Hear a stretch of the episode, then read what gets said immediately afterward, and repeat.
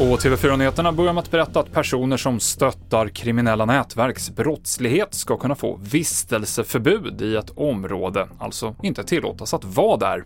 Det ska kunna gälla utan att personen i fråga är dömd för brott, enligt en promemoria som en utredare lämnade över till regeringen idag.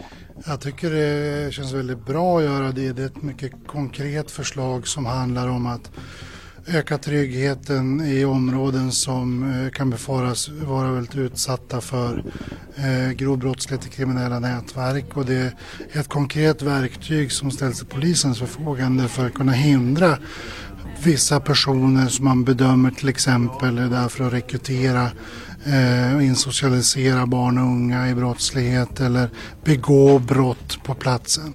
Det sa justitieminister Gunnar Strömmer och det här förslaget ska ut på remiss nu.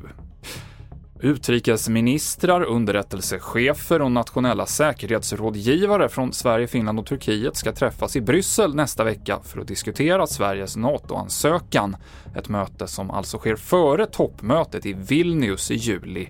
Förhoppningen är fortsatt att Turkiet ska godkänna Sverige innan dess. Det har ju varit otroligt viktigt för NATOs alla länder, just utom då Turkiet, att se till att Sverige blir medlem innan Vilniusmötet. Det är en sorts magisk tänkbar gräns. Frågan är, ska Turkiet hålla emot vad alla andra vill och anser är väldigt betydelsefullt för försvarsalliansen? Sa vår reporter Ritva Rönnberg.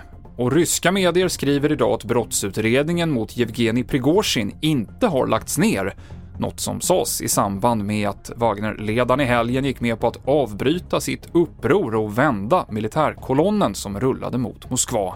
Det är oklart var Prigozjin befinner sig någonstans. Han har inte setts till sedan i lördags kväll, då man kunde se honom lämna staden Rostov och det uppgavs då att han skulle till Belarus. TV4-nyheterna i studion Mikael Klintevall.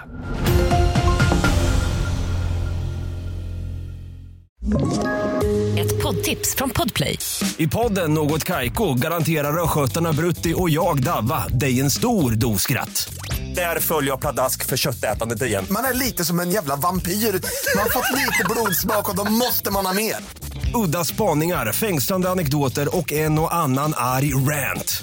Jag måste ha mitt kaffe på morgonen för annars är jag ingen trevlig människa. Då är du ingen trevlig människa, punkt. Något Kaiko, hör du på Podplay. Därför är gardinerna.